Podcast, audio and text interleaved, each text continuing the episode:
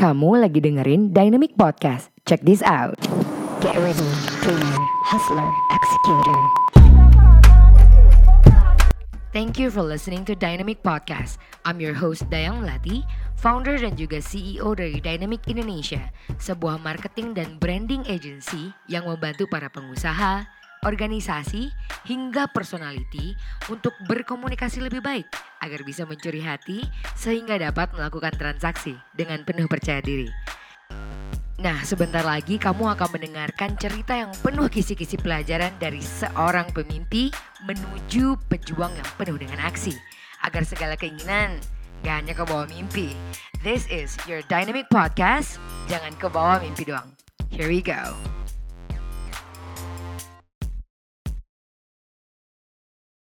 Hello, welcome back, people. This is Dynamic Podcast with your host Dayang Lati, and you are listening to our very own podcast, uh, Jangan ke bawah mimpi doang. And um, I think uh, minggu lalu kalian pasti dengerin suara gue yang ngomongin tentang kemerdekaan. Oke, alhamdulillah August uh, has passed. And for this special episode, we are going to talk about personal branding again, um, because this person is very special for us dynamic people uh, dari dynamic ministry kita juga nih si Asa um, and I'm a big fan of her as well uh, without any further ado mari kita uh, apa namanya welcome our guest Mbak Nisa eh Mbak Nisa Mbak Lia gue baca Iya. Halo Mbak apa kabar kabar baik. Apa kabar? Dynamic people dan Dayang, apa kabar? we are so excited to have you on the podcast karena kayaknya banyak banget obrolan dan cerita-cerita nih dari dari Mbak Lia ini nih. So, where are you right now? Which part of Indonesia atau dari which part of the world you are right now? Iya, aku aku dan kantorku ada di Jogja base-nya. Tetapi biasanya kalau selain kalau nggak pandemi, aku biasanya ada di Jakarta lebih banyak. Cuman uh, dan juga aku going around Indonesia ya. Dan tahun lalu aku juga ke Pontianak ke mana-mana gitu. Tapi sekarang Iya. Stuck di Jogja karena nggak berani ke mana-mana karena pandemi belum ada obatnya vaksinnya. yeah, it's it's been a quite a trouble juga sih kayaknya untuk semua orang bahkan semua orang di dunia ya, Mbak ya. But Iya. how are you, uh, I mean like gimana nih Mbak? Di Jogja aman, Mbak? Um, how do you feel in Jogja? Um, di Jogja itu se sebenarnya, eee, bukan permasalahan di mana kita ya, tetapi bagaimana Heeh. kita ya. Karena banyak banyak banget orang-orang yang kayaknya nggak peduli, masih nongkrong, masih nggak pakai masker, nggak nggak jaga jarak gitu kan. Jadi kayaknya tuh Heeh. udah kelakuan deh kayaknya ya dan akhirnya harus kita yang jaga diri sendiri untuk jaga jarak, Oke. pakai masker, nggak nongkrong, tahan-tahan dulu gitu kan. Iya. Mending, eee, diganti secara produktif misalnya kayaknya ngobrol di podcast atau baca buku atau tetap kerja produktif ya nggak sih? Iya iya iya, gue setuju banget tuh, Mbak. Tapi kayaknya sorry nih gue langsung nanyain soal Jogja, I'm a big fan of Jogja too. Like gue tuh Wow. pengen ke Jogja tuh dari, dari lama and I love Jogja again. uh, tapi kapan ya bisa ke Jogja? Salam ya Mbak ya buat Jogja ya Mbak, Oh, pasti. Malioboro, udara yang uh lah pokoknya. Anyway, uh, nih gue udah ngaur ngidul lagi. Kayaknya Dynamic uh, Dynamic Nation di luar sana or Dynamic People pengen tahu nih siapa sih sebenarnya Mbak Lia ini gitu. Silakan Mbak perkenalkan diri dulu Mbak. Oh iya, halo, aku Lia, eee, karena nama panjangku Nisaul Aulia, kadang-kadang sering dipanggilnya Nisa ya. Cuman kadang-kadang aku tuh, aduh kalau Nisa tuh aku aku kayaknya kok berhijab atau gimana banget gitu. Padahal anaknya itu eee, a little bit masculine, tapi, eee, punya tato banyak gitu. Jadi let's call me Lia, Lia aja gitu. Dan aku lagi apa ya, mmm, lagi fokus sebenarnya di pembangunan metodologi untuk pembangunan brand, brand development, brand management di kantorku Basic Ludo. Itu base-nya ada Oke. di Jogja, kemudian kita sering melanglang buana gitu, barengan sama temen aku bertiga, kami sebagai founder. Dan kita menyebut diri kita bukan agency ya, tetapi lebih ke strategic brand consultant gitu. Jadi kita, eee, Wow. memberikan konsultasi, eee, strategi-strategi pembangunan brand, kemudian Heeh. bagaimana sih, eee, intinya itu yang kita mau achieve adalah accelerating the brand value gitu. Jadi kayak financial value of the brand gitu. Itu yang kita lagi punya ambisi besar untuk ke sana. Financial value ya of the Of brand. the Ini brand, menarik yes. banget loh. Mhm. Wow. I was actually staring at Basic Ludo right now. Uh, Oh, oke. and it's nice man like kayak uh, dynamic people already loves you so Yes. um, kalau menurut uh, mbak mbak oh, ntar deh aku tanya dulu basic ludo udah berapa lama mbak Basic Ludo berdirinya itu kalau bisa kita bilang Januari 2013, tetapi uh, ups and down ya. Uh, lalu kita merumuskan metodologi kita yang kita sebut Uh-uh. dengan brand intensive methodology itu per 2016 gitu. Jadi kayak wow ya udah gitu kita going uh, apa ya uh, further gitu uh, Iya. 2016 tapi untuk metodologi sendiri uh, itu masih dalam dalam proses untuk uh, paten dan haki untuk itu. Jadi wow. sabar Wah kan di haki ya? Oh Gila, harus keren dong. kita harus respect dong sama intellectual property. That's Yes, part of the yes, brand yes, loh by the way. Wow. Lesson learn nih guys. Untuk pertamanya aja nih udah harus ada lesson learn banget buat kita. You have to respect the intellectual things from from creative people. Gue setuju banget tuh. ya Amazing, pasti amazing. Wow. So, um, Mbak Lia, ini kalau Hmm. ke- boleh cerita-cerita nih kan Mbak Lia udah di Basic Ludo almost berarti 8 tahun ya Mbak ya. ya betul And um, how do you get into branding gitu? Karena kalau kita lihat kan nih more so like uh, ide- apa namanya building uh, apa tuh tadi namanya uh, building um, brands gitu kan terus kayak you works uh, in a creative industry gitu. Apa sih yang uh, kalau boleh tahu nih uh, bagaimana Mbak Hmm. Lia get into this industry? Oke, em, sebenarnya itu mm, apa ya? Nggak nggak secara spesifik juga ya. Bisa dibilang itu terjerumus kali ya dalam petik ya. terjerumus. Iya, jadi kalau Oke. aku eh, basically aku itu dulu di etnomusikologi, tapi aku memang researcher eh, basically dan aku lebih ke analis. Eh, dulu Oke. lebih banyak analisis ke musik, musik populer, eh, popular culture gitu. S2 aku Oke. itu di cultural studies dan sebelum itu aku di Eropa beberapa lama itu juga belajar dari cultural anthropology dan cultural studies gitu. Nah, Wow. Ketika aku di cultural studies ini ada satu specific subject yang apa ya get my attention on that gitu. Jadi kayak uh, belajar waktu itu namanya kalau di bahasa Indonesia kan adalah kajian kritis iklan gitu. Jadi kita Oh, itu ngebongkar berbagai macam iklan, advertising dan the way brand talk, business talk to the people, to the market gitu ya. Um, Ya. Terus uh, bagaimana sih iklan-iklan itu kemudian mempengaruhi culture-nya kita, behavior-nya kita, kemudian mempengaruhi decision-decision dalam hidupnya kita gitu. Nggak cuman Iya. untuk konsumsi dan lain sebagainya gitu kan. Nah, itu itu juga cukup menarik. Lalu aku bekerja di beberapa lama di agensi Polandia waktu itu untuk new, new business developers untuk di Southeast Asia. Lalu mikir, eh kenapa kita nggak punya sendiri ya di dalam negeri gitu. Nah, Aha. jadi awalnya itu aku bertemu dengan Anin sama Tere sebagai bisnis partnerku sekarang. Eh, itu langkah kita awalnya itu gini, kok Hmm. kayaknya itu banyak meme yang muncul client versus agency gitu ya. Sampai sekarang mungkin Banyak ya apa Mbak? Banyak apa? Banyak meme gitu, meme-meme ah. gitu, meme gitu yang muncul kayak klien bilang apa, agensi bilang apa, nggak pernah nyambung antara klien sama ah. agensi gitu kan. Nah, kita tuh Aha. ngeliat itu gitu. Jadi kayak klien itu sering ngeluh, ini agensi nggak nggak tahu deh mau gue apa gitu kan. Ya, Atau di agensi juga ngeluh, ini klien maunya apa sih setiap kita propose salah mulu gitu. Kan biasanya tuh Selalu iya, iya. begitu kan gitu. Nah, pas Ya, kita you, you are talking right at the point gitu loh Mbak. We feel that in dynamic too. Terus kenapa tuh Mbak? Nah, jadi tuh pas kita ngelihat fenomena yang seperti itu, oh ternyata tuh kita coba gali, kita analisis ya. Ternyata tuh klien itu berbeda mindset dengan agency gitu. Yang pertama nih, agency itu kan lebih banyak di level communicators gitu kan. Sehingga Ya. KPI atau performance indicator yang kita gunakan adalah seberapa viral nanti kontennya Oh, kita gitu misalnya. Atau seberapa seberapa banyak orang yang akan reach out our advertising yang atau our ad- advertisement gitu kan, collateral media dan betul. lain sebagainya gitu. Sementara di pihak clients itu dia lebih berpikir di level C level gitu. Kom- Aha. Chief level gitu. Chief level akan berpikir tentang omset, tentang company growth dan lain sebagainya gitu. Nah, sehingga Iya. eh, penentuan keputusan misalnya terhadap desain, terhadap marketing strategi, terhadap marketing activities yang dipropose oleh agency itu pertimbangannya berbeda ternyata antara agency dengan company gitu kan. Nah, ini nih Iya. siapa yang harus mengeducate itu gitu. Siapa yang akan mengeducate how marketing works, how brand works ke klien gitu yang pihaknya klien yang si level tadi, lalu siapa juga yang akan educate itu ke agency gitu sebagai runner dan communicators gitu. Nah, kita Mhm. mengambil lini tengah di situ. Kita mencoba menjadi apa ya? memediasi eh, komunikasi antara dua ini yang nggak pernah nyambung ini gitu. Jadi Ah, kita ah, menyebut ah. menyebut keduanya antara klien maupun agensi yang berseteru ini sering ya sebagai brand doers gitu.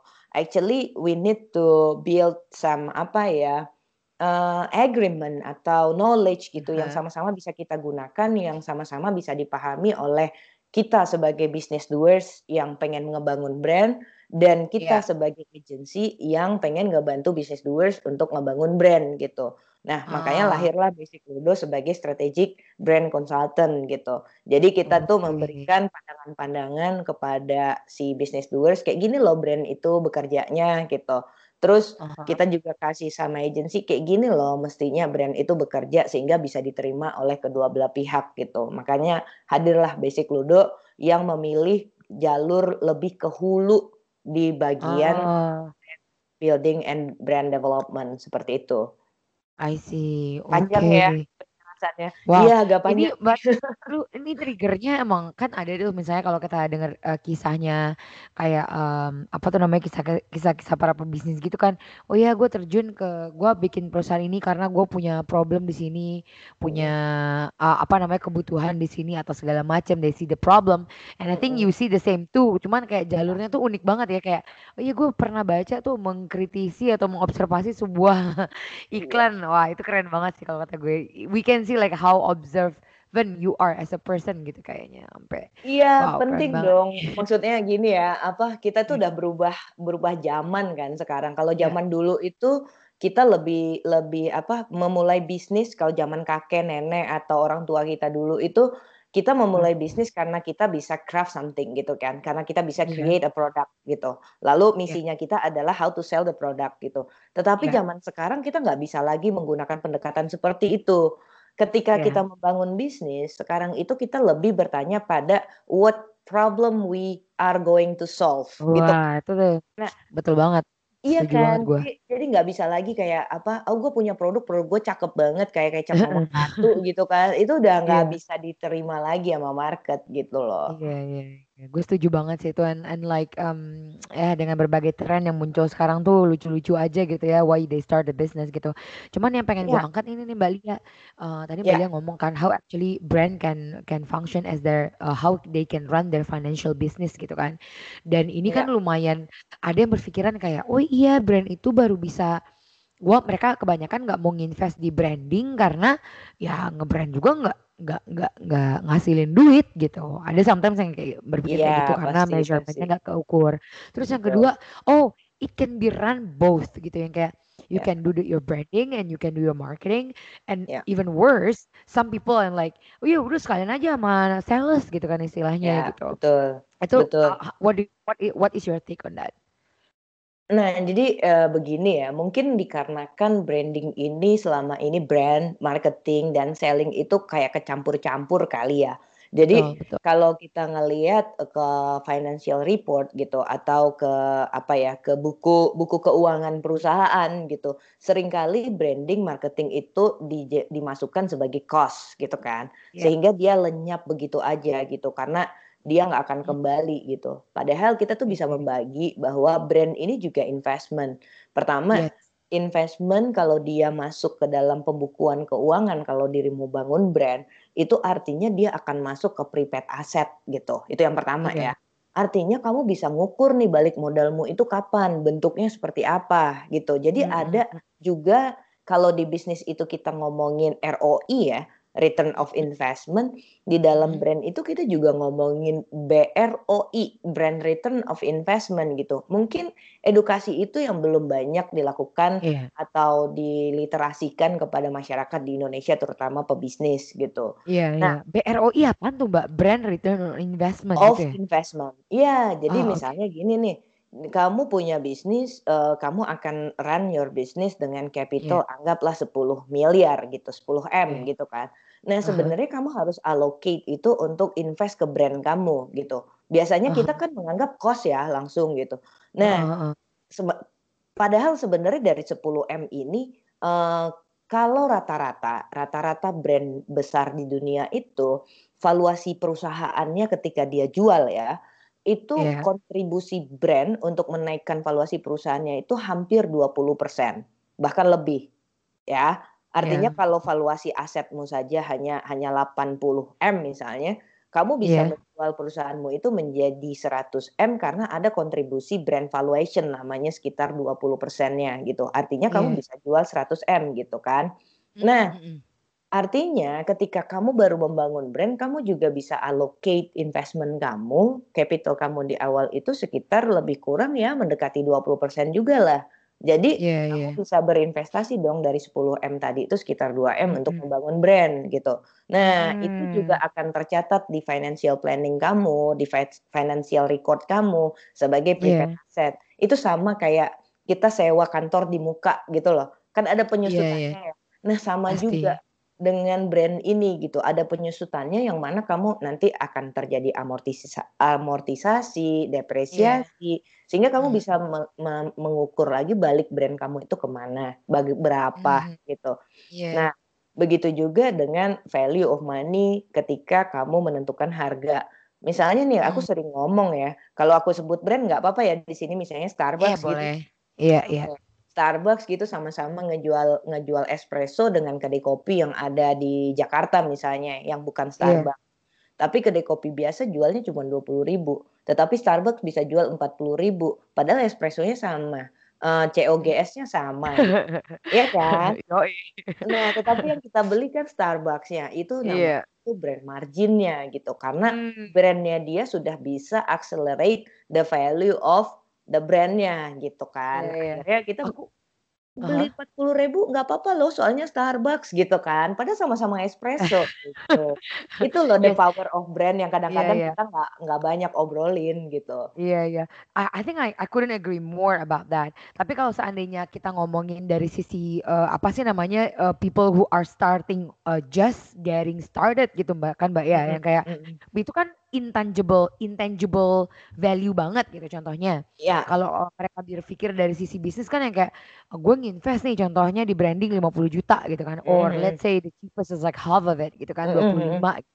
Terus Iya. habis itu dengan ekspektasi I can sell the product more gitu. Istilahnya, Mhm. with the more margin gitu kan. Istilahnya, eee, dari contoh kita tadi, pasti mereka bilang yang kayak, ya kayak Starbucks gitu kan. Istilahnya they have, mmm, investment on that gitu. Tapi tiba-tiba nih yang ke-trigger di otak aku adalah when you are starting over and you just get new customers gitu kan ya, mmm, kan banyak faktor gitu Mbak, untuk Starbucks bisa selling at that price gitu kan, yang kayak Iya. lokasi, eee, Iya. you know, Iya. mmm, SOP-nya mereka, bla bla bla bla bla gitu.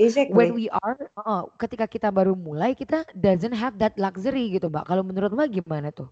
Nah, itulah dia yang aku bilang bahwa ngebangun brand itu nggak satu klik gitu ya, tetapi hah. ngebangun brand itu adalah lifetime process gitu. Oke Starbucks bisa oke. mencapai sekarang ini karena dia nurturing brand-nya dia gitu, nurturing brand-nya dia melalui SOP, melalui brand culture, melalui brand people, melalui layanan dia, Iya. semua hal.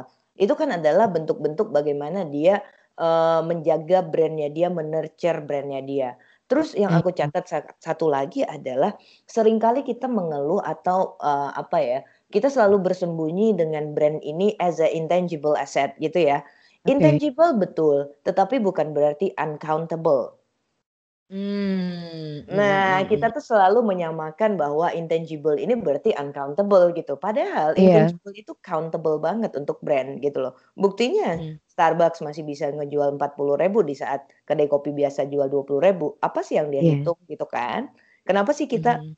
kita mau membeli kaos di Tanah Abang hanya 100.000 atau 50.000 tapi kita once kaos itu masuk ke H&M, kita bisa beli beli dia 300.000 atau Iya. 250.000, that's the Iya, brand mmm. gitu loh. Memang dia tangible tapi bukan berarti dia uncountable.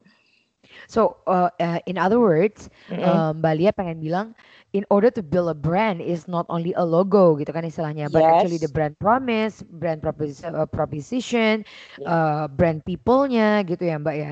Even even the product is a brand too, right? Yes, betul. Betul sekali Hmm. di situ. Jadi intinya itu kita selama ini ter apa ya?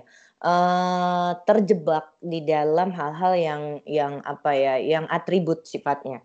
Makanya aku selalu bilang di Basic Ludo itu bahwa brand itu ada tiga nih yang kita pikirkan DNA, distinction, distinction itu yang pertama gitu. Distinctionnya itu bukan soal pembeda yang bikin sensasi doang ya, tetapi Oke. distinction ini uh, what your brand stand for gitu ya. Bisa aja kita Hmm. sama-sama uh, tukang roti, brand roti, tetapi ada roti yang Yeah. stand for uh, parenting misalnya, uh, memudahkan ibu-ibu untuk menyediakan sarapan.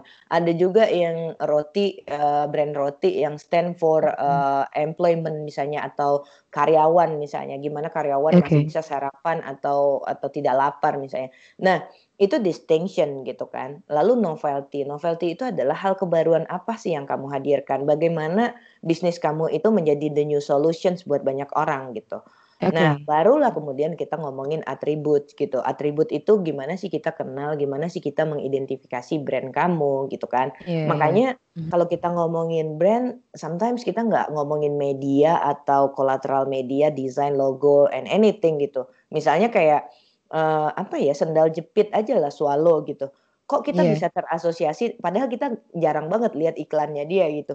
Mungkin Iya. kita nggak follow itu sosial medianya gitu. Tetapi Heeh. once kita membutuhkan sendal jepit, kita pasti eh, ingin membeli Swallow langsung gitu kan. Nah, True. True. Artinya Yeah. brand doesn't mean that you need to have a social media account atau kamu harus punya logo yang keren dan canggih. Tetapi Wow. balik lagi, ketika kamu ingin membangun brand itu adalah tools kamu untuk delivering your messages to your customers, to your potential market gitu loh. Mm, mm, mm, Jadi jangan duluan toolsnya gitu. Kayak kamu mau beli mobil gitu ya. Kamu harus tahu dulu Mm. mobil itu buat apa, kamu mau ke mana, baru kamu beli mobil kan. Bukan bukan kamu beli mobil dulu baru mikir ntar gue ke mana ya baru, baru beli mobil nih gitu kan aneh. Iya, iya, betul, betul, betul. Totally agree with that. I think um, aku suka banget nih statementnya Mbak Lia. I think juga bisa jadi apa satu uh, revo, revolusinasi sta- apa namanya mindset juga untuk teman-teman Dynamic Nation yang dengerin di luar sana, uh, including me. Um, kayak um, apa tadi Mbak bilang kayak brand itu tuh nggak harus lu punya akun sosial media gitu ya, tapi Mhm. tools yang benar-benar bisa menyampaikan message lu ke orang-orang kayak Swallow itu bener banget sih, sumpah itu Iya, bener jadi banget. kayak apa? Eh, punya sosial media it doesn't mean that you have a brand already gitu. Punya Iya, sosial media dengan followers yang banyak it doesn't mean you, you have a brand gitu. Tetapi punya sosial media adalah cara kamu untuk ngebangun brand kamu gitu. Misalnya kalau kalau tadi aku dengar topiknya adalah personality branding misalnya, personal iya, branding mm, misalnya. Nah, mm, ini mm, yang yang juga banyak orang-orang yang masih berpikir bahwa eh gue bikin akun sosial media, kemudian gue punya banyak followers, eh, kemudian gue udah punya personality branding eh, yang nge-likes gue bisa sampai ribuan dan segala macam gitu. Nah, iya, tetapi apakah itu artinya kamu punya brand? Gitu kan. Jadi kita bertanya iya, lagi, itu itu brand apa bukan sih? Gitu kan. Iya, iya. Oke, oke, oke, that's so true. So, um, um, kalau kita seandainya uh, back to the main topic gitu kan tadi Mm-mm, uh, kita udah touch up sedikit tentang what is branding lah ya. Uh, intinya itu how to actually we deliver message uh, messages to our our customer atau listener atau audience lah. So, Iya. kalau kita ngomongin tentang personal branding, nah itu Mm-mm. what is your take on that? Kalau buatku personal brand itu semua orang punya personal brand, ya. Mhm. Uh, walaupun dia nggak punya akun media sosial, semua orang punya personal brand. Buktinya apa?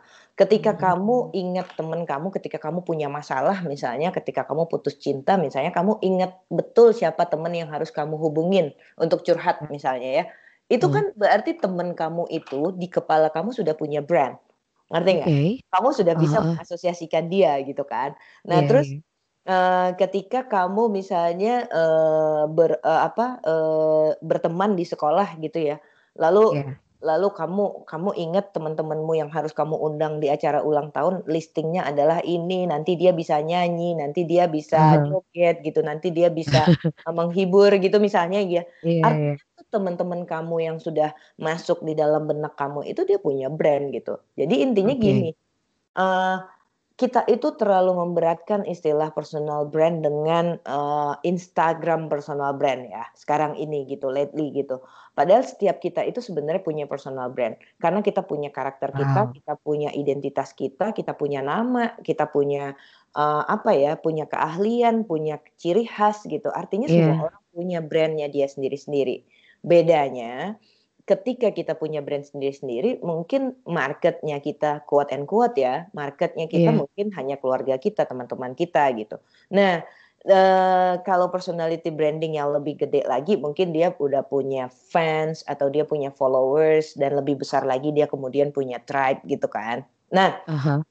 jadi eh, ya oh, soal personality brandmu itu menjadi besar atau kecil kan it matters of uh, seberapa luas sih amplifikasi dari message yang kamu pengen pengen sampaikan, lalu seberapa orang sih yang terinfluence oleh kehadiran kamu. Nah, barulah kita berbicara nanti berapa quantity followers kamu, berapa quantity Oke. tribe ya kamu gitu. Tetapi kalau ngomongin personality branding, benar-benar per orang itu udah punya personal brandingnya dia. Nah, tergantung Oke. kita mau mengamplifikasi itu menjadi lebih besar atau tidak. Oh, oke, that's interesting. Kalau Mhm. dari dari Mbak Lia sendiri gitu kan, kalau seandainya uh, aku nangkepnya dari obrolan Mbak Lia tadi adalah Ya. ketika seseorang itu bisa udah di label, di label uh, atau disegmentasikan Mhm, sebagai sesuatu gitu kan istilahnya mhm. eh apa tuh namanya sebagai sesuatu yang um, I'm sorry, I'm like Ya. um, contohnya kayak gue udah tahu nih gue curhat ke siapa gitu kan itu kan berarti Mhm. udah existing followers lah ya berarti ya. Iya dong. Oh so Jadi um, ja- jadi kamu udah pu- amplify. udah punya Uh, personal branding dong ya. Misalnya kayak kayak apa? Kayak uh, uh, oh eh, aku nanti kalau aku ke eh, apa kalau aku butuh ngobrol-ngobrol nih ada Dynamic Indonesia berarti aku ke- ketemu Dayang nih gitu kan. Artinya kamu sudah punya satu followers kayak aku gitu. Kamu karena kamu Oke. punya personal brandmu sendiri. Nah, persoalannya kan sekarang kamu mau mengamplifikasi itu menjadi besar. Itu yang pertama, Oke. apakah Uh-uh. itu? Lalu yang kedua, apakah kamu akan menutilisasi itu? Ya kan? Oke. Artinya menutilisasi artinya kamu akan menjadikan itu menjadi driver income kamu, kemudian menjadi Oke. bisnis kamu gitu. Nah, itu kan depends on your choice gitu loh. Oke, aku setuju banget yang kayak gitu. Sekarang talk about amplify, im- eh, amplifying ya, Mbak ya. Ya, Karena kan ya. sekarang tuh kan banyak banget tuh Mbak yang kayak, iya gue mau gue mau eh, bikin personal brand biar gue banyak pertama pasti kalau yang berpikirannya agak ke kanan kan, oh ya, then I have more followers, I can do more positive things or whatsoever. Tapi juga ada yang bilang kayak, oh, I wanna be influencer, then you know, like uh, be a professional content uh, jatuhnya tuh kayak content creator lah istilahnya gitu kan ya. Mm-mm. Um, kalau kayak gitu, kalau seandainya kita pengen amplifying kayak gitu tuh gimana? Dan why I don't think so you are doing amplifying. Oh, atau gue salah tangkep nih. Or Oke. I just don't see it. Gimana nih? Oke, jadi gini, aku setuju banget sama kamu kalau kalau mau tadi bilang adalah ke kanan dan ke kiri tadi ya. Iya. Tapi mungkin eh, kita bisa bilang ada dua tujuan orang kalau rata-rata ya kalau kita ngelihat Iya. ada dua tujuan orang ketika dia ngebangun personality branding ya dia dalam konteks Instagram. Oke, kita ngomongin Instagram dulu nih. Padahal Oke. personality branding itu nggak harus loh di Instagram, ngerti kan ya? Iya, Ah, iya, iya, setuju gue. Pak RT untuk bisa dipilih nggak harus punya akun Instagram kan? Dan dia juga Betul. personality kan, Iya. political personal branding gitu kan, Pak RT Oke. loh atau Pak Lurah gitu nggak harus uh, Iya. ada Instagram. Nah tapi kalau kita ngomongin mungkin lebih relatable untuk teman-teman adalah Instagram gitu. Ada dua Iya. tujuan, eh, ada dua kategori orang biasanya. Aku lihat. Yang pertama tuh orang yang memang dia punya misi untuk menyampaikan satu message gitu ya. Artinya de- misalnya orang-orang yang pengen ngomongin ngasih influence ke orang lain soal finansial misalnya atau soal branding atau soal social actions. Ada orang yang niatnya itu untuk ngebangun eh, apa personal brandnya dia itu dalam rangka dia pengen delivering um, a certain message gitu ya. Satu. Iya. Tapi ada juga yang terjadi dikarenakan uh, sosial media, kemudian Hmm. banyaknya selebgram, popularity, kayak itu dipandang sebagai easy money gitu ya. Nah, akhirnya tuh juga juga pengen akhirnya punya personal brand karena ngebayangin easy money, gue terkenal, Iya. fame, kan. Gitu. Banget. Jadi jadi yang yang yang dipenuhi oleh tipe kedua ini lebih banyak ke insentif psikologi. Insentif psikologi itu gini, eee, kita itu craving banget untuk punya likes, kita craving Iya. banget untuk punya followers gitu loh. Padahal kita nggak tahu sama sekali apa gunanya punya followers yang banyak. Kita mau ngapain sama si followers itu? Ngapain kita repot-repot, eee, punya, eee, banyak yang nge-likes kita gitu loh. Itu kan hanya Iya. insentif psikologinya kita gitu ya. Oke. Tetapi kalau Mhm. kamu membangun personal brand, kamu itu lebih tertata plan-nya. Dimulai misalnya Oh. dari satu, kamu bisa mulai, apa sih, aku itu stand for apa sih? Kamu punya idea apa sih? Kamu punya message apa sih yang harus kamu sampaikan, harus speak speak up banget to the world gitu ya. Misalnya Iya. kalau aku aku merasa aku melakukan yang namanya personal brand, tetapi bukan gimmick, bukan untuk naikin followers gitu loh. Tapi state-ku adalah dengan kemudahan media yang sekarang, bisakah aku speak up tentang opiniku, tentang pandanganku terhadap brand misalnya. Maka aku Oke. menyampaikan pandanganku. Kemudian banyak yang setuju, kemudian terjadi diskusi, kemudian kita saling follow gitu kan. Iya. Eee, itu kan akhirnya aku merasa cukup berhasil untuk sekian banyak orang gitu. Tetapi Mmm. banyak orang yang berpikir ngebangun personal brand ini nih, "Wah, followers-ku nggak naik nih, berarti kontenku nggak works, aku harus bikin Iya konten iya. yang lain." Akhirnya itu Iya iya. berdarah-darah sampai akhirnya itu bikin sensasi hanya untuk naikin followers, hanya Yap untuk yap. naikin likes gitu. Nah, menurut kalau aku sih, eee, nggak setuju ya dengan pola yang Heeh. kedua gitu. Tapi aku Oke. aku bisa bilang aku nge-follow satu account yang followers-nya masih 200 atau 300 atau di bawah 1000 gitu ya. Karena aku Heeh. merasa relate dan aku ter-influence sama message-message yang dia sampaikan gitu. Oh, wow. Nah, menurutku Oke. itu personal brand, bener nggak? Mmm, setuju. Yes. Mmm. Oh my God, you highlighted something really important about that. Bener banget. Karena bener ya Mbak ya, sometimes itu tuh juga kalau seandainya aku nggak tahu sih what do you think about this when you when you ketika Mbak Lia ngomong kayak gitu aku tiba-tiba yang kayak ter oh eureka moment gitu yang kayak if your content is not relatable to certain group of people yang ya what is it Oke. for gitu ya. Iya Ya, dan it's okay gitu loh. Maksudnya Mhm kamu mhm. kamu bukan jualan es krim, kamu lagi nyampein opini kamu, kamu lagi nyampein message kamu ke orang banyak Iya gitu iya. kan. Nah, heeh. sekarang itu kamu mau mempengaruhi atau meng-influence orang. Nah, itu proses yang Iya. kedua kan. Kamu Oke merasa nih kamu oke. punya good idea, eee, dengan Heeh. idea itu kalau idea itu banyak orang yang lebih tahu, maka banyak orang yang akan merasakan kehidupan yang lebih baik gitu ya. Iya iya iya iya. misalnya dirimu ngerti nih soal digital marketing misalnya ya Dayang ya. Iya iya Lalu, iya.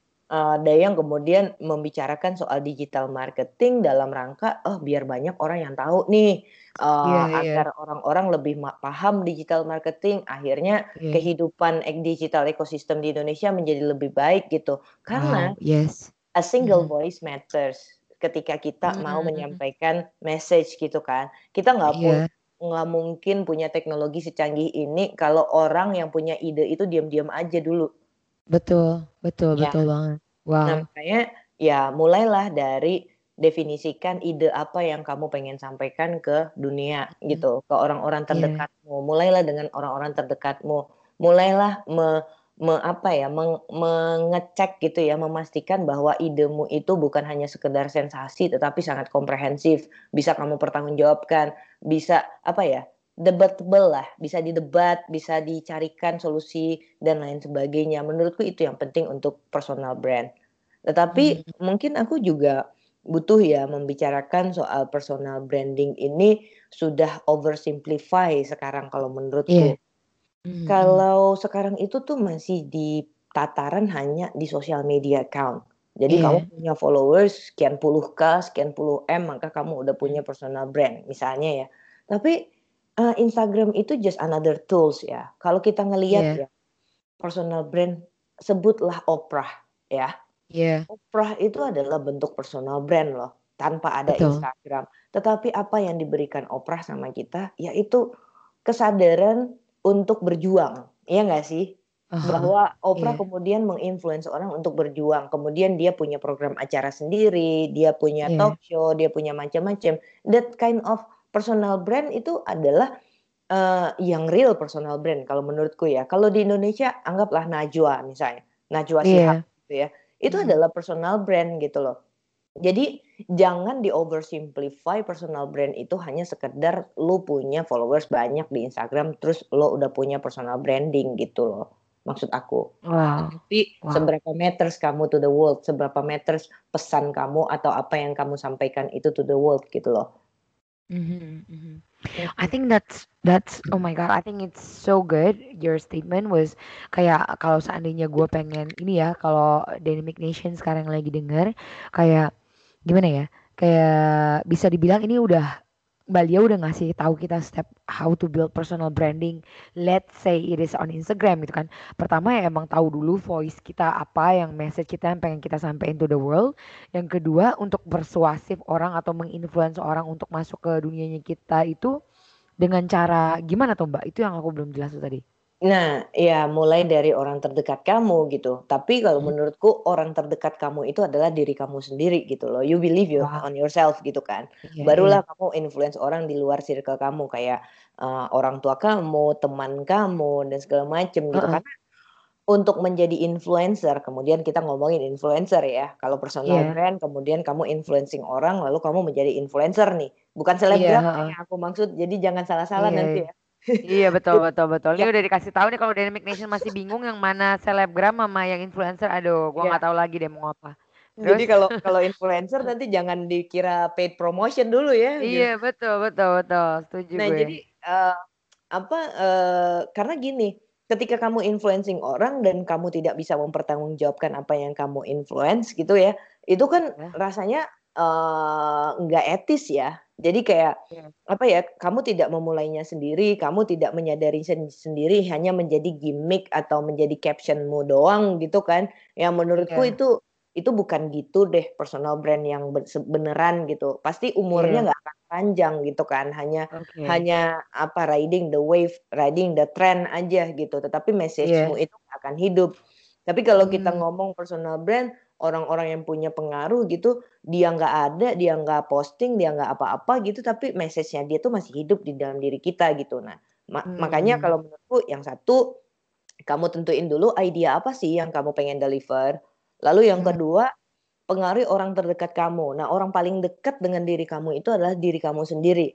Kamu tuh Oke. yakin nggak dengan itu? Kamu sudah sudah eh, benar-benar eh, bisa mempertanggungjawabkan nggak dengan message yang kamu mau sampaikan itu gitu kan? Terus Iya yang iya. ketiga barulah mulailah dari circle terdekat gitu loh.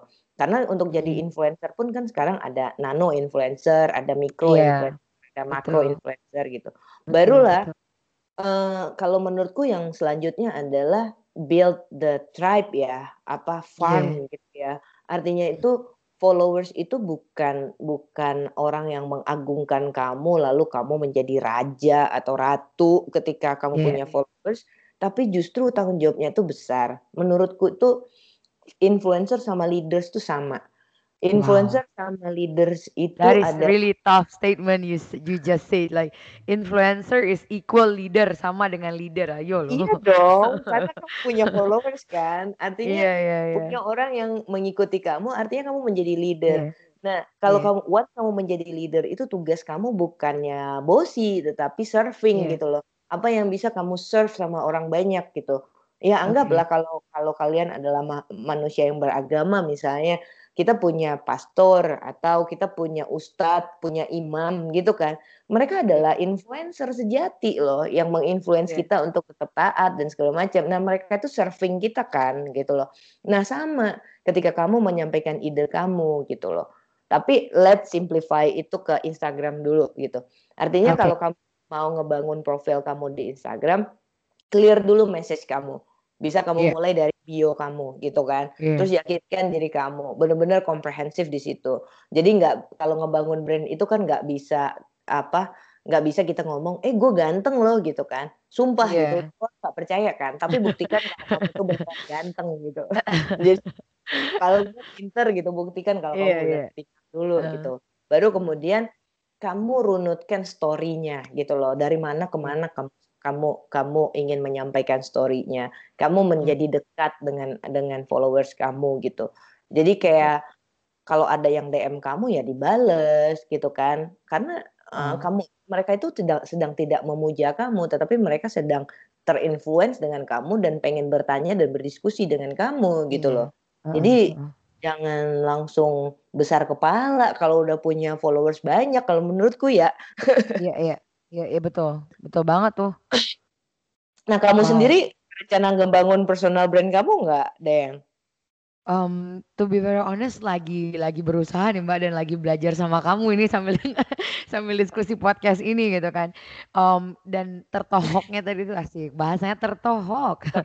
Itu ya. uh, we we've we've uh, have this uh, we've uh, discussion discussion gila apa sih gue Hmm, ini ini langsung jadi jadi grogi nih pasti tanya kayak gini sama Mbak Lia. So with this uh, discussions uh, in the office gitu kan ngomongin tentang personal branding ini dan where what uh, ident uh, what dynamic could uh, will be identify. Apakah jangan terlalu dayang banget gitu kan istilahnya. Terus kayak we want dynamic as a dynamic gitu kan. Mm-mm. tapi we can't help it kayak people has already associated uh, dynamic itu dayang gitu. So um, it's quite hard gitu kan uh, to I don't know I feel like I need to a little bit detach it karena Mm. kemarin Neil Patel kayaknya aku pernah nonton video Neil Patel dia juga ngomong karena kan neilpatel.com sama Bazoom segala macam itu kan juga sangat erat gitu kan Uh, dan dia ngerasa I think I uh, kalau dipilih disuruh milih lagi gue pengen uh, ini beda brandnya kata dia kayak gitu kan cuman nggak tahu kenapa pas tadi lu ngomong kayak gitu mbak Mhm. gue ngerasa iya ya dibanding lu mikirin ini harus ngedetach brand atau enggak harus eh, harus dipisah atau enggak kenapa kita nggak punya strong belief dulu message apa yang mau lu sampein? Ya nggak sih mbak? Lu kalau kita ngomongin teks yang kayak lu berapa lu harus ngepost berapa konten lu harus yang kayak eh nge-ads lah atau segala macam to gain to gain at least like to boost the influencing strategy gitu kan tapi if you don't have a strong statement or strong message that you want to deliver it's really hard ya kan sih kayak Iya, "Ih, betul. juga ya." Tapi tapi mungkin eh, ini ya eh, ada ada beberapa pemahaman juga yang mungkin belum belum begitu banyak yang tahu ya. Iya. Em, a personal branding itu bisa kita bedakan dengan brand people. Nah, ini loh. Oke. Eh, kan personal brand itu mungkin kalau kita runut historinya kenapa sih jadi booming banget sekarang gitu ya. Iya. Itu kan eh, gara-gara banyaknya startup, terus Mark Zuckerberg gitu kan. Em, eh, siapa lagi eh, dari Richard Amazon. Branson, Ah, Richard eh, Branson, ya. Fernandez, ya. Ya, gara-gara itu kan muncul lagi nih personal branding itu jadi apa ya? Jadi salah satu keharusan bagi business owner untuk tampil ke depan publik gitu. Itu Iya. trennya kalau menurutku kalau kita runut dari belakang gitu ya. Tetapi kalau bisa aku bilang itu dua hal yang yang sedikit ada slightly differences dari dari dua hal itu. Eh, kalau personal brand itu yang menjadi produk, yang menjadi brandnya dia adalah dirinya dia sendiri, ya. Misalnya kalau di Oke. Indonesia kita ngomong nih eh, Najwa Shihab, Najwa Shihab itu benar-benar Najwa Shihab gitu kan. Oke. Kalau Deddy Kobuze ya Deddy Kobuze gitu kan. Kalau Ah. misalnya eh, apa coach financial coach eh, anggaplah Philip Mulyana misalnya, itu benar-benar. Philip Mulyana gitu kan. Eh, sama kayak Gary V gitu. Kalau kita bandingin nih Gary V sama Mark Zuckerberg mana yang personal brand? Aku akan jawab bahwa Gary V adalah personal brand, sementara Iya. Mark Zuckerberg adalah brand people. Wow. Nah, Oke. kenapa nih gitu? Karena eh, Mark Zuckerberg tidak tidak berdiri atas dirinya sendiri ketika dia ngebangun brand, tetapi dia menjadi representatif dari Facebook. Oke? Oke. Nah, dia juga personal, dia orang akhirnya kenal Mark gitu. Tetapi bagaimanapun asosiasi orang terhadap Mark udah automatically ke Facebook, ya Facebook kan? ya. Nah, sehingga dia menjadi brand people dong, yaitu people atau a person yang merepresentasikan brandnya dia. Oke. ya. Nah, kemudian kalau Gary V, ya Gary V kan, kita nggak tahu tuh embel-embel apa di belakangnya walaupun kemudian Gary Vee punya bisnis dan lain-lain, tetapi Iya. Gary Vee stand for himself. Tetapi kalau Mark Iya. Zuckerberg stand for Facebook gitu kan. Nah, Ah, oke oke oke adalah dua hal yang berbeda. Nah, menurut aku nih, kalau kita ngomongin yang tadi soal personal brand, kamu benar-benar Iya. kamu diri kamu sendiri dan lain-lain, itu yang personal brand yang tadi kita bahas. Tetapi Aha. kalau kita ngomong kepada business owners atau kepada startup uh, doers gitu ya, Heeh. eh, kayak dirimu Dayang gitu. Heeh. Sebenarnya kita aku mengakui bahwa semua business owners itu butuh banget ngebangun personal brand ya. Artinya kamu Oke. bisa menjadi face atau representatif dari brandmu sendiri gitu. Nah, Mhm.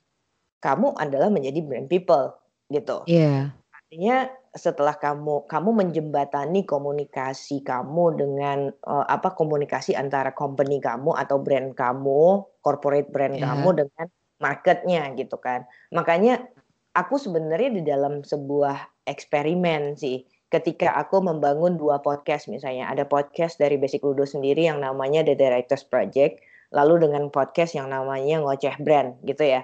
Ngoceh Brand Ah. literally my own brand. Orang akan kenal itu Lia gitu kan. Itu adalah Aha. personal brand gitu. Tetapi once aku ada di Basic Ludo, kemudian aku aku berbicara atas nama Basic Ludo, bahkan sekarang itu kalau teman-teman nyimpan nomor kontakku itu pasti Lia Ludo gitu ya. Artinya tuh ah, jadi Iya benar benar. aku adalah Dayang brand people dynamic yang benar banget. kayak yang dynamic gitu, mark Heeh. Facebook mungkin ya. Nah, jadi Iya benar benar. jadi itu dua hal yang berbeda, teman-teman. Heeh. Jadi kayak nggak cuman apa mm, personal brand itu bisa kita pecah lagi gitu. Kamu alasanmu apa? Kalau kamu membawa stand for yourself, stand for your own messages gitu, itu bolehlah kita bilang itu personal brand dulu ya satu gitu. Iya. Tetapi kemudian ketika kamu punya bisnis, lalu kamu punya brand sendiri gitu as a corporate or as a agency or whatever gitu, lalu kamu mewakili itu, maka kamu bisa dibilang sebagai brand people gitu. Nah, makanya di Iya. Indonesia banyak sekali. But what if you have both, Mbak? I mean like you you have your own personal branding and and and and people kind of like represent you. Uh, you you kind of like represent the brand gitu. Itu tuh possible nggak? Possible that banget bad? gitu loh. Is it that? Hmm, possible banget untuk ke sana gitu. Tetapi kan itu adalah next stages-nya kita ya, yang kita mau capai gitu loh. Tapi kan kalau kita nanya nih, kita mau mulai dari mana gitu loh. Ya p- pastikan dulu kamu pengen memulainya sebagai brand people atau kamu pengen memulainya personal brand gitu loh. Ngerti nggak Oke. maksudku? Nah, jadi kalau next-nya tuh ternyata ka kamu sendiri bisa terkenal as a Dayang gitu ya, eh, as a personal brand gitu, lalu dynamic juga kemudian keangkat brandnya, kemudian orang udah Uh, bisa separate antara mana yang Dayang, mana yang dynamic, itu possible banget terjadi. Oh wow, that's that's it's really kind of like uh, relieving you say that, you know, like tapi kalau kalau di dig in into the fact emang kayak gitu ya. Mau nggak Yes, mau tuh kan people business is about trust ya nggak sih? You wouldn't make a transaction with people that you don't trust.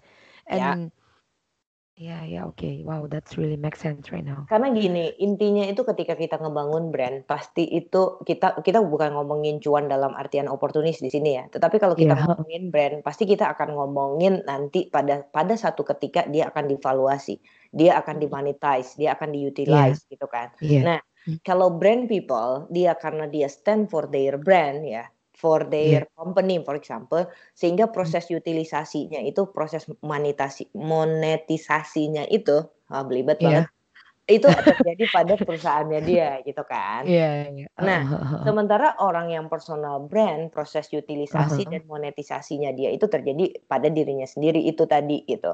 Contoh contoh contoh Ah, kecilnya itulah em, kayak apa ya? eh eh, Philip Mulyana lah gitu iya. sebagai personal brand gitu ya. Eh ya yang yang dipakai terus Philip Mulyananya, yang dimonetisasi Philip Mulyananya gitu. Tetapi Aha. kalau kalau Lia misalnya kan, eh, kalau diundang gitu pasti ke bawah-bawah itu basic ludonya gitu. Akhirnya orang Iya. lebih mengenal basic ludonya bukan ke Lianya gitu kan. Nah, itulah Aha. bedanya antara brand people dengan personal brand yang tadi gitu. Personal brand sama Oke. brand people gitu. Jadi Eh, mungkin aku bisa bisa suggest ya eh, diterima atau Heeh. enggak ya aku kembalikan ke Sure. teman-teman adalah ada baiknya ketika teman-teman lagi proses ngebangun bisnis, maka jadilah brand people dulu gitu. Jadi dirimu Oke. adalah yang mewakili brandmu. Misalnya Dayang gitu. Ya nggak Iya. apa-apa loh Dayang dynamic gitu. Eh, nggak apa-apa loh karena dirimu adalah face-nya, dirimu adalah human touch-nya dari si brandmu gitu. Kamu Iya, adalah atribut dari brandnya dynamic gitu.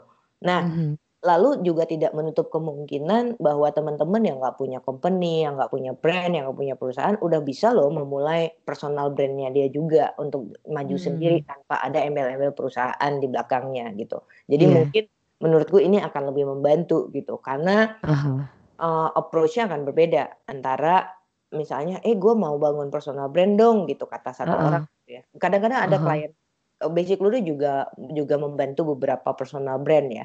Jadi Heeh. ada ada yang masuk gitu, eh gue bantuin dong personal brand gitu. Personal brand lu apaan gitu kan? Oh gue Iya. lagi buka usaha biar usaha gue itu makin kelihatan jadi gue harus ngejual diri juga nih gitu. Oh lu Heeh. brand people gitu kan.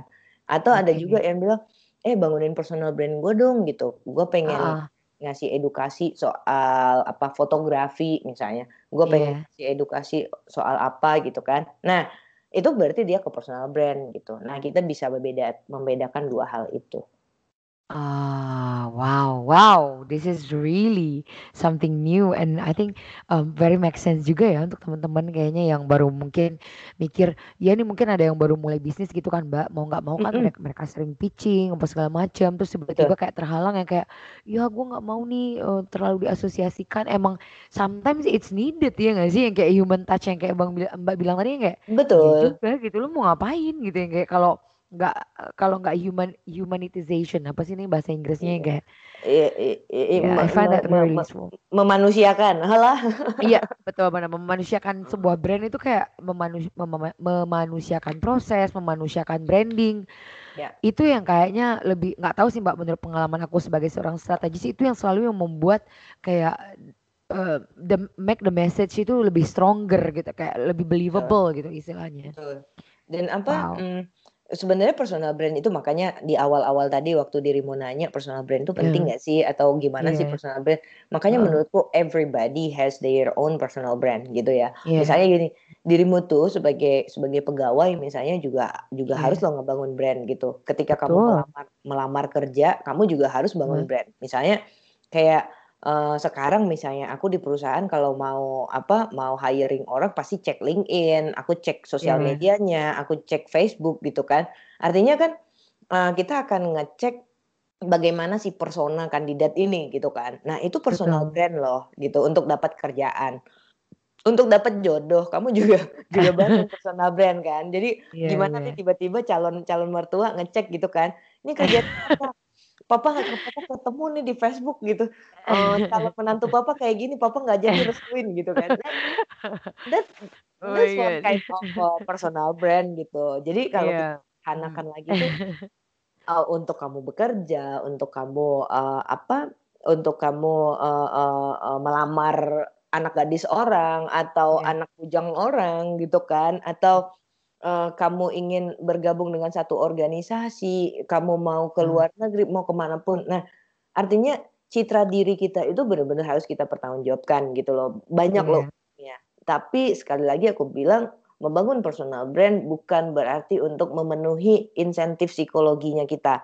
Artinya iya artinya enggak untuk tujuannya untuk naik-naikin followers, enggak tujuannya untuk nyari-nyari likes, terus kalau enggak ada yang nge-likes terus kita frustrated, terus kita stres gitu. Itu iya buat apa gitu loh. Justru jadikanlah proses menjadi, membangun personal brand ini memudahkan jalan kita bukan menyulitkan jalan kita gitu loh. Kenapa sih sulit banget membangun personal brand? Kenapa sih harus banget 10k followersnya bisa biar bisa iya iya gitu? Iya iya iya. Tapi gini ya, yang paling aku suka dari obrolan kayaknya dari Mbak Lia, oh my God, it's already like 50 minutes. Anyway, eh, yang aku suka itu adalah bagaimana Mbak Lia mengintegrasi uh, aktivitas uh, aktivitas online dengan validasi kegiatan offline kita ya yang kayak ya lu kalau pengen didengar orang diidentifikasi sebagai seorang yang emang udah bisa istilahnya digital marketing buktinya lu tuh apa gitu ya gak sih? Yang kayak kita ngobrol emang mau cerita ke orang tentang misalnya we are uh, we are being heartbroken atau segala macam sebagai penasehat kita ya karena kita udah ngelihat dan berinteraksi dengan brand dia secara nyata gitu ya mbak ya. Kalau Ya, emang dia betul. tuh tervalidasi bisa loh Mm, dengerin cerita gue dan ngasih eh apa namanya advice yang bagus gitu. So betul. I think ini I, I- mean like you've given us like I think very wow advice on this on personal branding yang mungkin gua gua rasa berbeda dari ekspektasi gue gitu. No, Oh, I understand kenapa Asa atau Nela loves you so much. Oh wow. Eh, Iya, tapi eh, kalau menurutku gini ya, apa? Don't fake it gitu loh, but make it. Iya. Karena Hmm, eh, selama ini tuh banyak orang tuh just fake it gitu. Iya. Eh, kaget gak sih kita kayak apa? eh, lu ngomong gini-gini di di sosial media sebagai personal Iya. brand, ternyata di kenyataannya tuh lu nggak kayak gitu gitu. Kita kita kecewa nggak sih? Kita kesel gak sih gitu. Heeh. Terus itu yang pertama, don't fake Iya. it, but Hmm. make it gitu loh, make it happen gitu loh, make it real gitu. Itu yang Mhm. pertama. Terus yang kedua itu adalah eh make voice, not noise gitu loh. Mhm. Karena Wow. Buat apa lu beli kamera canggih-canggih, buat apa Hmm. lu beli beli apa eh, mikrofon, semua perangkat devices yang mahal Mhm. banget untuk bikin konten gitu. Ternyata Mhm. konten lu itu cuman isinya tuh noise gitu. Memang banyak Iya. orang-orang nonton, banyak orang yang subscribe misalnya, tapi Mhm. enggak ngaruh sama kehidupan orang gitu. Terhibur aja Oke. orang enggak atau Mhm, mikir aja orang enggak gitu kan. Jadi Iya. eh, apa eh, bertanggung jawablah sama diri diri sendiri gitu loh. Mhm, Oh, mhm, Kalau kita fake it, really gitu sampai ke mana sih kita bisa bawa itu gitu? Cuman sekedar Iya. pencitraan gitu kan. Terus Hmm. eh, kenapa sih kita eh, hidup dengan zaman palsu banget? Misalnya palsu kayak apa ya? Oh followers kita nggak banyak, harus dibanyakin Iya. gitu. Hanya demi Iya. itu gitu kan. Padahal kita lupa at the first place misinya kita adalah Aha. seberapa banyak sih orang yang terinfluence sama kita gitu.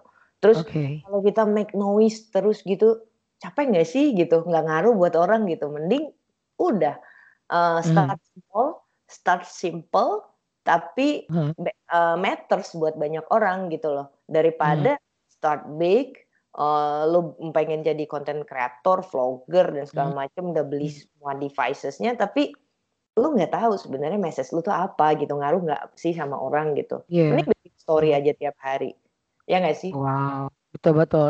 Untuk menginiin uh, message lu gitu ya Mbak ya. Hmm. Wow, that's that's really cool. Like totally cool and applicative banget lah pokoknya. Gua kalau kalian yang dengerin ini sampai terakhir, kalau pasti gue yakin mereka terdiam dan ngangguk-ngangguk tuh Mbak. Iya juga ya gitu yang kayak stop making noise. Buat apa Mbak? Uh, yeah, don't don't fake it, but make it gitu, Yes. and make voice not noise. Yeah, wow. Menurut voice not noise. Wow. ya. It it means really a lot, by the way. Um, anyway, um, that's really cool of you. Um, gue pengen nyambung lagi sih Mbak. Please don't don't don't be so surprised if we ask you for another podcast interview ya. Oh, santai santai. Kalau ada waktu pasti pasti. Oh Aku my seneng banget buktinya kalau aku ngobrol itu kan nggak ada turn off button ya. Jadi ngomong aja terus gitu. Oh my gosh. Um, thank you so much for being here. Uh, what is your last message to our Dynamic Nation out there? Um, apa ya? eh, personal personal branding ya. Personal branding. Ya, Believe me that eh, semua kamu udah punya personal brand. Tinggal ya, nih kamu pengen amplify dia akan sebesar apa. Tetapi jangan pernah terjebak atau jangan pernah tipu dirimu dengan insentif psikologi, dengan jumlah followers, dengan jumlah ya. likes. Tetapi eh, pastikan bahwa messagemu itu terdeliver, kamu speak up untuk hal-hal yang kamu rasa penting dan yang kamu rasa eh, bisa mengubah dunia. Dan yang paling utama banget adalah satu-satunya cara eh, untuk mengubah dunia itu adalah mengubah diri kita sendiri gitu loh. Wow. Jadi don't fake it, make it, don't make a noise, but make a voice. Itu sih kalau menurutku yang penting. Wow. Very strong ending, uh, closing statement. Banget ya Mbak udah again for for your time and um, I think I would like to invite you on public to our uh, meeting the expertnya Dynamic Indonesia bulan ini. Uh, semoga sempet ya Mbak ya nanti tim aku akan getting in touch. please Iya. please please we are you are very uh, you are most wanted guest for our meeting the expert this month. Uh, let's talk more over there. Uh, thank you banget untuk waktunya dan untuk Aku seluruh Dynamic thank you Nation yang Hmm, Aku juga thank you banget udah diundang di sini. Sorry kepotong sedikit. Aku thank you juga. Aku belajar banyak juga dari obrolan ini karena pertanyaan-pertanyaannya bikin aku mikir dan ya, keep contact. Mhm. Sure, for real, like for real. Uh, thank you so much Mbak Lia and for all of the Dynamic, uh, Dynamic Nation out there. Kalau kita pengen reach Mbak Lia gimana nih Mbak Lia? Ke mana kira-kira? Aku ada di Instagram di Nisaul Aulia atau aku juga bisa ad- bisa dengerin juga podcastku tapi itu ngoceh-ngoceh aja di sana. Itu ada ngoceh brand namanya itu bisa. Terus kalau follow aku di Instagram feel free to DM me to ask me anything gitu to Sure. discuss. Ya And I can guarantee you guys, gue bisa jamin dan garansi buat kalian yang uh, yang lagi dengerin saat ini, you guys really need to follow her because her her voice not noise really nice to to follow dan juga di agensinya Mbak Lia Mbak ya Basic Ludo ya. Ini langsung aku kepoin banget deh pokoknya. so that's all for today. Thank you Dynamic Nation for listening to us. I'm Dayang Lati and Lia Yay. Uh, kita pamit undur diri dulu. Thank you for listening until the end of this podcast. Sampai ketemu di next episode of Dynamic Indonesia. Uh, we, uh, of course, our Dynamic Podcast. Jangan ke bawah mimpi doang. Bye-bye semuanya. Assalamualaikum.